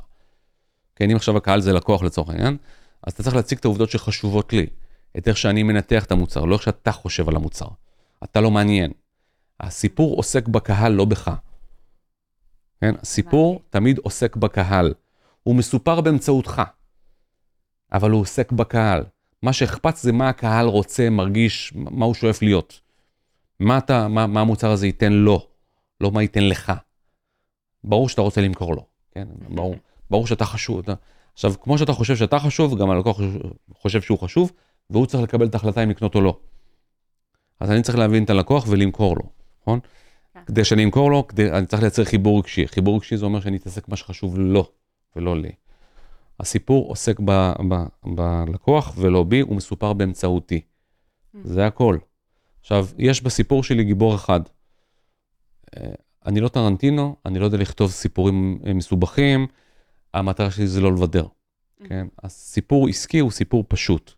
סיפור קל, סיפור פשוט, יש גיבור אחד, יכול להיות רע אחד, כן, עכשיו רע יכול להיות בן אדם אחר, חברה אחרת, או סוג התנהגות. אה, דרך קלה מאוד לייצר, לייצר טובים ורעים זה לייצר דיכוטומיה. דיכוטומיה זה אומר ל- ל- לחלק את העולם לשני סוגים של אנשים. מהמם. כן, יש שני סוגים של אנשים, אנשים שקוראים ספרים ואנשים שקוראים ריאליטי. עכשיו, זה לא נכון, אבל זה לא משנה. כי באותו רגע שאמרתי את זה, את חשבת, אני מאלה שקוראים ספרים. ככה זה עובד, ככה המוח עובד. עכשיו, באותו רגע אתה ישר מוצא את- לאיזה אני שייך, לאיזה קבוצה אני שייך, ואתה נשאר איתה. עכשיו, עוד דבר שחשוב בסיפור זה כמה שיותר ל- ל- ל- להמחיש לי את הדברים. זאת אומרת, הרבה אנשים אומרים, כן, יש לי מוצר באמת באמת טוב. אז אם אמרת באמת, זה אמור לשכנע אותי? לא, זה לא משכנע. איך אני יודע שהוא באמת באמת טוב? אה, יש לי אה, רשימת המתנה של, אה, של כך וכך חודשים. זה אומר לי שהמוצר טוב. אה, יש לנו, יש לנו ביקוש, ביקוש משוגע. מועדון אני- לקוחות, אני לא 100 יכול- אלף איש. אני לא יכול למכור לך, אני לא יכול זה, זה כל דברים כאלה. אה, אני יכול למכור לך את זה רק אם אתה תקנה מוצר אחר שלנו, אחרת אנחנו לא, לא מתעסקים עם זה, אין, אין לי זמן לזה. אני יכול למכור לך רק אם אתה מתחייב לקנות אה, כמות גדולה, כי אחרת אני לא מתעסק ב... זה. אה, יש, יש הרבה מאוד דרכים, כן? אה, אני יכול למכור לך רק אחד. אני, זה מוגבל לאחד ללקוח, אני פשוט לא יכול למכור יותר. כן. ואז אתה יודע שזה יותר טוב. במחיר הזה אני פשוט לא יכול למכור יותר, זה, זה מוגבל. ואז אתה אומר, אוקיי, הוא, הוא בטח מפסיד כסף, הוא- כן? אנחנו כל הזמן מפרשים. מהמם. עכשיו, אה, רוב האנשים, רוב הזמן גם עסוקים בלהראות לך אה, כמה שאתה יותר, אה, כמה שהם יותר חכמים ממך, מבינים יותר, מעודכנים יותר. תסתכלי על מה קורה במדיה חברתית. למה אנשים מגיבים על תוכן? הרבה פעמים הם רוצים להראות שהם חכמים, שהם יודעים, שהם מצחיקים, שהם מעודכנים. רוב התוכן שאנשים משתפים, הם לא קוראים אותו. רוב התוכן שאנשים קוראים, הם לא משתפים. כן? יצור מסובך, הבני אדם. מעניין, כן? כן. עכשיו, אז העניין שלנו זה לא, לא, לא לחשוב כל הזמן בצורה, כי אה, אנשים יבדקו את כל העובדות ואז הם יבינו שאני המוצר הכי טוב. זה כמעט לא קורה. כן, כשאת קונה מזגן, איך את קונה מזגן? מה שהכי זול. מה שהכי זול, אה, זה דרך אחת, דרך שנייה זה לבדוק עם אנשים שאת מכירה, דרך שלישית זה לשאול את המתקין מזגנים. מה יש לך בבית? נכון? זה מאוד משכנע. עכשיו, כל דבר את צריכה להבין איך אנשים עושים את זה. כל אחד עם התחום שלו. איך אנשים מקבלים את ההחלטה לקנות, אה, לקנות או לא לקנות. עכשיו, בסיפור שלי אני צריך לשלב את התובנות האלה. כי אם יש לי נגיד את המזגן ש... שהוא ה... שנמצא. בבתים של 72% מהמתקינים, מהמם. הוא כנראה הכי טוב. נכון? כן. או כנראה שהוא אה, לא מתקלקל, או ווטאבר, לא משנה מה. וכולי וכולי. כל, כל דבר כזה הוא, הוא מידע שהוא חשוב, אבל אני צריך גם לדעת מה, מה הפיץ שלי בסוף, מה... יש לי, שורה אחת, איך אני יודע שזה טוב. מהמם. טוב, אנחנו חייבים לסיים. אני אשמח אם נסיים עם איזשהו אה, טיפ זהב שיש לך אה, ליזמים, אנשים שרק מתחילים, שבאמת רוצים לבנות את הסיפור שלך, ש... שרוצים לבנות את הסיפור שלהם. אה, אני אתן כאילו, אה, אה, אתן דוגמה אה, מעולם של, דווקא מעולם של, אה, של חיפוש עבודה. בסדר? ש- כי, כי זה עולם שהוא מאוד מאוד אמוציונלי, ו, ויזמים הם גם כן, הם, הם עושים את מה שהם עושים עם המון, אמ- עם המון, אה, אמוציות. ותחשבו על זה של מה הדבר שהוא המגרעה הכי גדולה שלכם. עכשיו, אתן לך דוגמה, כאילו, על, על אה, מישהי שבאה שבא לתפקיד, זו דוגמה קלאסית. אה, היא באה להתמודד על תפקיד, והביקורת עליה זה שהיא מאוד מאוד שקטה. מהמם. עכשיו, אצל גבר שקט זה בסדר, אצל אישה זה לא. מי קבע? סטריאוטיפים של מגייסים, אוקיי. כן? עכשיו, זה לא משנה אם זה בסדר, או שזה חוקי, או שזה נראה לי, או שזה נראה לך. אם עכשיו תעשי כאילו בדיק, בדיקה מהירה, רוב האנשים שהם, רוב האנשים שהם אה, מגייסים, חושבים שאם אם גבר יש- הוא יושב בשקט ברעיון עבודה, סימן שהוא חכם, סימן שהוא בטוח בעצמו, ואם אישה יושבת והיא שקטה, זה סימן שאין אין לה מה להגיד. אוקיי. עכשיו, נגיד שאת יזמת, את, את אומרת, אוקיי, אם אני אשב בשקט, אנשים, אנשים יפרשו את זה לרעתי. מה אני צריכה לעשות?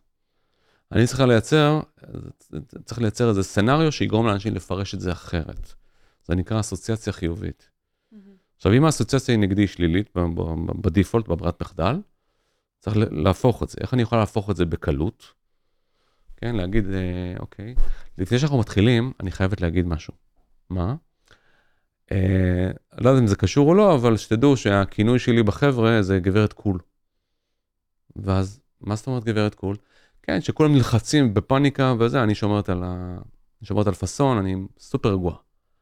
אוקיי, מגניב. עכשיו, זה עצמו... השתיקה שלה מתפרצת. בדיוק, מאותו, עכשיו, זה עצמו לא, זה לא מרשים, כי זה לא גרם לכאורה, אבל באותו רגע, כל פעם שאת תהיי שקטה, או כל פעם שהוא, שהוא יראה שאת, שאת, שאת, שאת לא מדברת, הוא יפרש את זה בתור מישהי שלא נלחצת, במקום לפרש את זה בתור מישהי שאין לה מה להגיד. עכשיו, העובדות לא השתנו, שימי לב. זה נקרא אסוציאציה חיובית. Uh, בעסקים משתמשים בזה הרבה מאוד. למשל, כשאת נכנסת לחנות של נספרסו, mm-hmm. מה הם עושים? אומרים לך, תטעמי, רוצה לטעום נספרסו? בואי תטעמי נספרסו. ואז את טועמת אספרסו, ויש לזה טעם של אספרסו באופן מפתיע. אבל מה, מה קרה באותו רגע? עכשיו לא נעים לך, ואת חייבת לקנות משהו.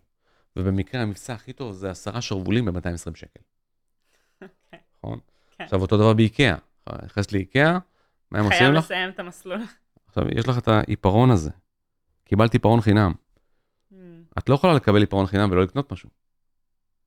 עכשיו זה נכון לחנות גבינה ול, ולמקום שמוכר לך יין. אתה עושה סיור ביקב, והם כל היום נותנים לך לטעום, לטעום עלי יין, בחינם. Mm-hmm. ואז בסוף אומרים לך, אם את רוצה, את יכולה לקנות uh, כמה ארגזי יין. ואת אומרת, טוב, הם, הם, הם, הם כאלה נחמדים, ונתנו לנו יין בחינם, לא נעים לו לקנות משהו. או כניסה של רשימה של אנשים בהנחה. ואז אתה מייצר, אתה, אתה מייצר כאילו לא נעים לקנות. עכשיו, mm-hmm. זה גם כן, זה סוג של אסוציאציה, זה, mm-hmm. זה, זה נקרא הדדיות. זה אלמנט של הדדיות. נתת לי בחינם, עכשיו, הוא נתן לך יין בחינם ששווה נגיד 20 שקלים, בעלות שלו, ואז קונה ארגזים ב-200 או 300 או 400. מדהים. עסקה טובה. קודם כל, כאילו, לפני שאנחנו רצים לספר סיפור, בואו נבין אנשים. ואז שאנחנו מבינים אנשים, אז בואו בוא נבין את הסיפור שהוא נכון. עכשיו, כל דבר שיהיה, שיהיה לו התחלה, אמצע וסוף, לחשוב על מבנה, כן, דוד וגוליית, אה, זה יכול להיות אה, סינדרלה, זה יכול להיות אינדיאנה ג'ונס, כזה סיפור מסע, mm-hmm. התמודדות עם, אה, עם, עם מהלך מסוים. אנחנו רוצים, אנחנו רוצים לייצר תנועה. להתחיל ממשבר, להתחיל מקטע שהיה קשה, ממשהו שלמדנו תוך כדי. אם לא למדנו כלום ולא השתננו, אז למה, למה הסיפור הזה? Mm. אנחנו רוצים לייצר אותנטיות דרך, דרך חולשה, דרך כנות, דרך משהו שלא עבד לנו. אה, אנחנו רוצים להמחיש דברים, כן? נגיד, מיליון דולר, מה זה אומר? איך, איך זה נראה מיליון דולר? ומה... נראה טוב. נראה טוב, כן? כן. ומה ההבדל בין מיליון דולר לעשרה מיליון דולר? ברמה המחשבתית אין הרבה. עכשיו, זה כאילו, מה, קטן עליך 9 מיליון דולר? עכשיו, מה, מה זה אומר מיליון דולר? מיליון דולר זה, זה שטרות של 100 דולר בתוך תיק ג'יימס בונד כזה. Mm-hmm. מזוודה כזאת קטנה. ו... ואז אני, קשה לי לדמיין מיליון, מיליון דולר, אבל קל לי לדמיין מזוודה. Mm-hmm. ועכשיו 10 מיליון דולר זה 10 מזוודות. כן. 50 מיליון דולר, זה כבר נהיה, נהיה מסובך אבל 50. אז כן. מה אני עושה? אז אני אומר, אוקיי, אני, אני זורק את כל, ה, את כל המזוודות עם הכסף, עם ה-50 מיליון דולר, אני זורק אותם במשאית, משאית זבל. כל משאית זבל זה 50 מיליון דולר. עכשיו יש לי 10 משאיות, זה חצי מיליארד, חצי מיליארד דולר. בסדר? ככה אני, אני מאפשר לאנשים להבין את, ה, את העניין. אם אני עכשיו מספר לך שראש הממשלה הואשם בשוחד, mm-hmm. איך אני יודע שהיה שם שוחד? כי היו מעטפות. אני לא יודע, אני לא זוכר את הכסף. Mm. אבל אם מישהו קיבל מעטפה, הוא בתפקיד רשמי, זה בטח שוחד. אם תפסו את, ה, אה, את הנספח הכלכלי של ישראל בבלגיה, בשדה התעופה, עם מזומנים בגרביים, mm-hmm. הוא אשם בהברחת כסף או, או, או לא? ברור שכן. למה הוא מעביר את הכסף בגרביים? נכון? עכשיו, אנחנו מפרשים דברים. בסדר? Mm-hmm. אז התיאור של הדבר, הסיטואציה, גורמת לי להבין מה נכון ומה לא, מה עובדה. עכשיו, זה לא באמת עובדה, אבל זה משכנע אותי. עכשיו, בכל מצב אחר הייתי אומר, מה זכות, זכותו של האדם לחפות וזה.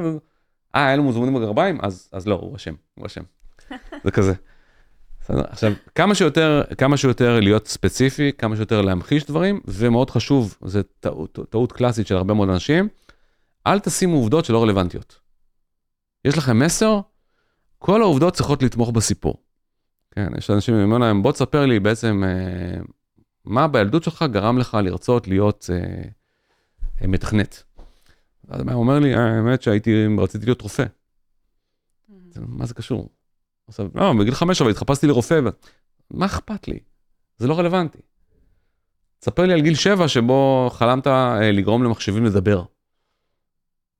כן, ומאז הלכת, מאז גיל שבע חלמת על איך אתה גורם למכונות לדבר, ועכשיו אתה עובד בתור מתכנת ואתה גורם למכונות לדבר. Mm-hmm. זה רלוונטי. Mm-hmm. ספר לי את העובדות שרלוונטיות שתומכות במסר שלך. עכשיו, בסוף העבודה של הסיפור זה להעביר לי מסר. Mm-hmm. הסיפור לא עוסק בכמה את טובה וכמה את מושלמת, אלא במסר שאני רוצה להעביר, כן? מחירי רמי לוי. כן? למה אני מאמין לזה? כי אני יודע שלרמי לוי תמיד היה אכפת. Mm. אני יודע, אני יודע את זה. זה מופיע בסיפור. הוא לא אמר לי שאכפת לו, הוא הראה לי שאכפת לו. ואז אני מאמין לו. אז מה המסר המרכזי שאני רוצה להעביר, ואני צריך לשזור את זה בסיפור. ואולי נקודה ממש אחרונה, תזכרו תמיד שאנשים מפרשים, לא צריך ללעוס להם את הכל. כן? לא צריך לספר להם את הפאנץ' של הבדיחה, הם יבינו אותה. תן להם את ה... כמעט עד הסוף, הוא כבר ישלים את ה... כן? זוכרת את הבחור המצחיק? איך הוא נראה? כן. לא משהו, אה? אנשים משלימים לבד את הסיפור. תסמכי עליהם. וואו, באמת שזה נשמע נושא שאפשר לדבר עליו שעות. זה כמה ערך. אה, מדהים, טוב, איזה כיף שבאת. וואי, היה מרתק. אה, וכיף אה, שאפשר לתת כל כך הרבה ערך לאנשים. אמרת שיש לך גם תוכן נוסף פה בערוץ. כן, יש, יש הרצאה שנקראת מוח קונה מוח מוכר. כן.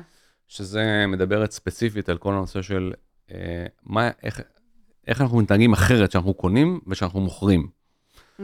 אה, שזה הרבה מאוד דוגמאות וסימולציות. אה, זה, זה תרגיל מאלף, אה, האמת שגם אה, אני, אני עושה את ההרצאה הזאת ב live בהרבה מאוד מקומות, בהרבה מקומות בעולם, גם באוסטרליה, mm-hmm. גם בארצות הברית, גם במקומות שונים באירופה. עשיתי את זה לסוגים שונים של חברות, גם חברות הייטק, גם, גם גופים ממשלתיים. mm-hmm. גם גופי ביטחון, גם גופים פיננסיים וכולי, וזה די מדהים לראות שבכל מקום ה, אותם דברים עובדים. כי אנחנו מדהים. מתנהגים אחרת שאנחנו, שאנחנו צריכים להחליט, כאילו, לקבל החלטה, או כשאנחנו צריכים לדחוף מישהו להחלטה, וכאילו זה שני אנשים שונים. ורק כשאתה חווה את זה על עצמך, אתה מבין כמה זה, כמה זה חזק. Mm-hmm. אז זה, זה, זה, זה, זה אבל מוצר נפרד. העולם של storytelling הוא אה, עולם בפני עצמו. אה, יש לי אתר אינטרנט עם הרבה מאוד אה, תכנים שהם חינמים, זמינים mm-hmm. לכולם, אה, הרבה מאוד מאמרים שמדברים על למה storytelling ואיך storytelling וכולי. זה עולם, זה עולם שהוא מרתק. רק להתחיל, להתחיל בזה של לא לנסות לעשות storytelling לכל דבר, בטח לא לדברים שהם שקריים. כן, mm. לא, that's not the point. נפלא. אז באמת, כל מי שרוצה לשמוע יותר תכנים, לראות יותר תכנים, פשוט או להיכנס לאתר שלך, או כן. לקנות פה את ההרצאה. ופשוט ללמוד יותר, נשמע שזה עולם מרתק. זה עולם מרתק, זה עולם חשוב מאוד, הוא בא לידי ביטוי גם בעולמות של גיוס כוח אדם, גם מהצד של המרואיינים, גם מהצד של המרואיינים, שיש תחרות על טאלנטים, צריך לדעת ל- למכור את החברה בצורה נכונה. אה, אני עובד עם הרבה חברות הייטק בדברים האלה. יש נושא של, אה, אם אני עכשיו רוצה למכור שינוי ארגוני, mm-hmm. ואני רוצה לשנות את ההגדרת תוכן לאנשים, אז בשוק כמו, כמו של היום, אם אני לא עושה את המהלך הזה בצורה חכמה, הם עוזבים. מדהים. ואם אני, אני משווק להם את זה בצורה שהיא טובה, הם נשארים. אז כאילו, storytelling זה משהו שמלווה אותנו בהרבה מאוד תחומים. כמובן, פוליטיקה, כמובן, כאילו, בעולמות של, של שיווק, עיתונות, מוצרים, יזמות, מול משקיעים. אה, כי בסוף כל דבר שקשור לאנשים, mm-hmm. הוא מצריך מאיתנו לייצר חיבור לבעם השני. כן, אם עובדות היו קובעות הכל, לא היה אנשים שמתעסקים בשיווק, לא היה אנשים, אנשי מכירות ולא היה אנשי יחסי ציבור. היה מנהל עובדות. את מכירה ארגונים שיש בהם מנהל עובדות? לא. גם אני לא. יש, יש לך גוף אחד, זה נקרא הסברה ישראלית. טוב, נפלא, איזה כיף. כן. תודה רבה ששיתפת אותנו, תודה. רבה שחלקת את כל הידע הזה. אני למדתי המון, ואני מקווה שגם אה, מישהו בבית למד הרבה. וכל מי שרוצה מוזמן להיכנס לאתר ולראות ההרצאה, ויאללה, תודה, זה כיף. תודה לך, ביי ביי. טוב חברים, זה היה הפרק שלנו עם אליאב אלאלוף. אתם מוזמנים לשתף את הפרק הזה עם חברים, להצטרף לקבוצת פייסבוק שלנו, מקסימום זה יצליח, הקהילה, וגם לחשוב רגע, איך אתם יכולים לכתוב סיפור אחר, מעניין יותר, סוחף יותר, למותג שהוא אתם. אני מיתר זהבי, ונתראה בשבוע הבא בעוד פרק של מקסימום זה יצליח.